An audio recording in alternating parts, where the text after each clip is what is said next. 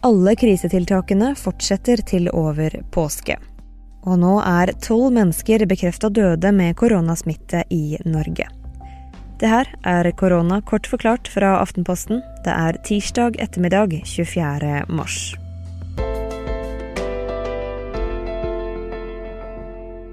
Regjeringens mål er fortsatt at viruset skal slås ned over tid.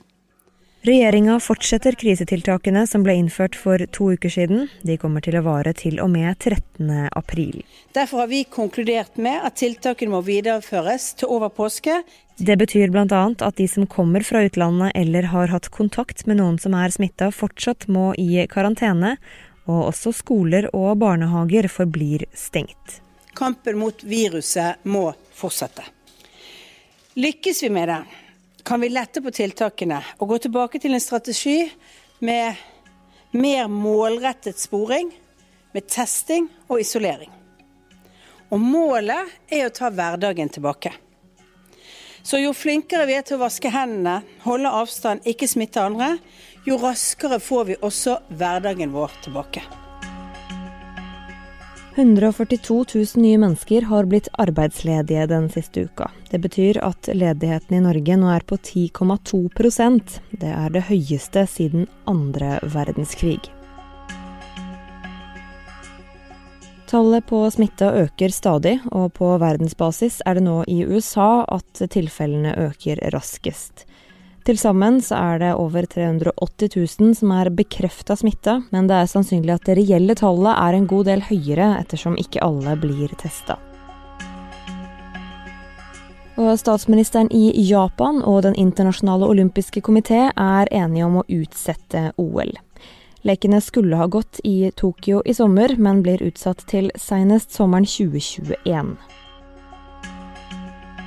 Onsdag i forrige uke foreslo regjeringen eh, en midlertidig lov om forskriftshjemmel for å avhjelpe konsekvenser av utbruddet av covid-19. En lov som da kalles koronaloven. Ja, nå er den historiske koronaloven vedtatt i Stortinget. Den gjelder i en måned og gir regjeringa fullmakter til å håndtere koronakrisen. Innstillingen refereres. Romertallene 1 og 2 er opptatt. De som stemmer imot, bes reise seg. Det er enstemmig vedtatt. Alf Ole Ask, politisk journalist i Aftenposten. Denne nye koronaloven som Stortinget har vedtatt, er litt annerledes enn den regjeringen egentlig ville ha. Hva betyr denne, denne loven nå i praksis?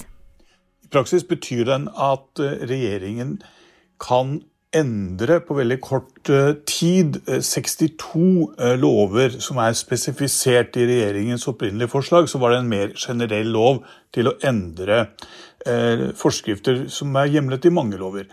En av de andre store forskjellene er at denne loven gjelder bare for én måned. Eller denne muligheten gjelder bare for én måned, mens regjeringen ønsket seg seks måneder. Hvilke lover er det nå sannsynlig at de kommer til å gjøre noe med? Det er det, er det helt umulig å si noe om. Det kommer an på situasjonen. og Dette er helt ulike typer lover. Fra lover som omfatter aksjeselskap, til lover som omfatter skoleverket, til en masse lover og forskrifter som gjelder utbetaling av trygd og slike ting som regjeringen eh, mener at de for at folk skal få penger f.eks., eh, må kunne endre ting veldig raskt.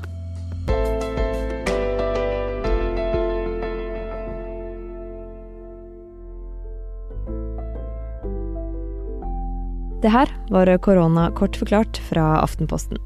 Jeg heter Anne Lindholm, og hvis du har spørsmål eller tilbakemeldinger, så er det lettest å nå oss på Facebook-siden Forklart.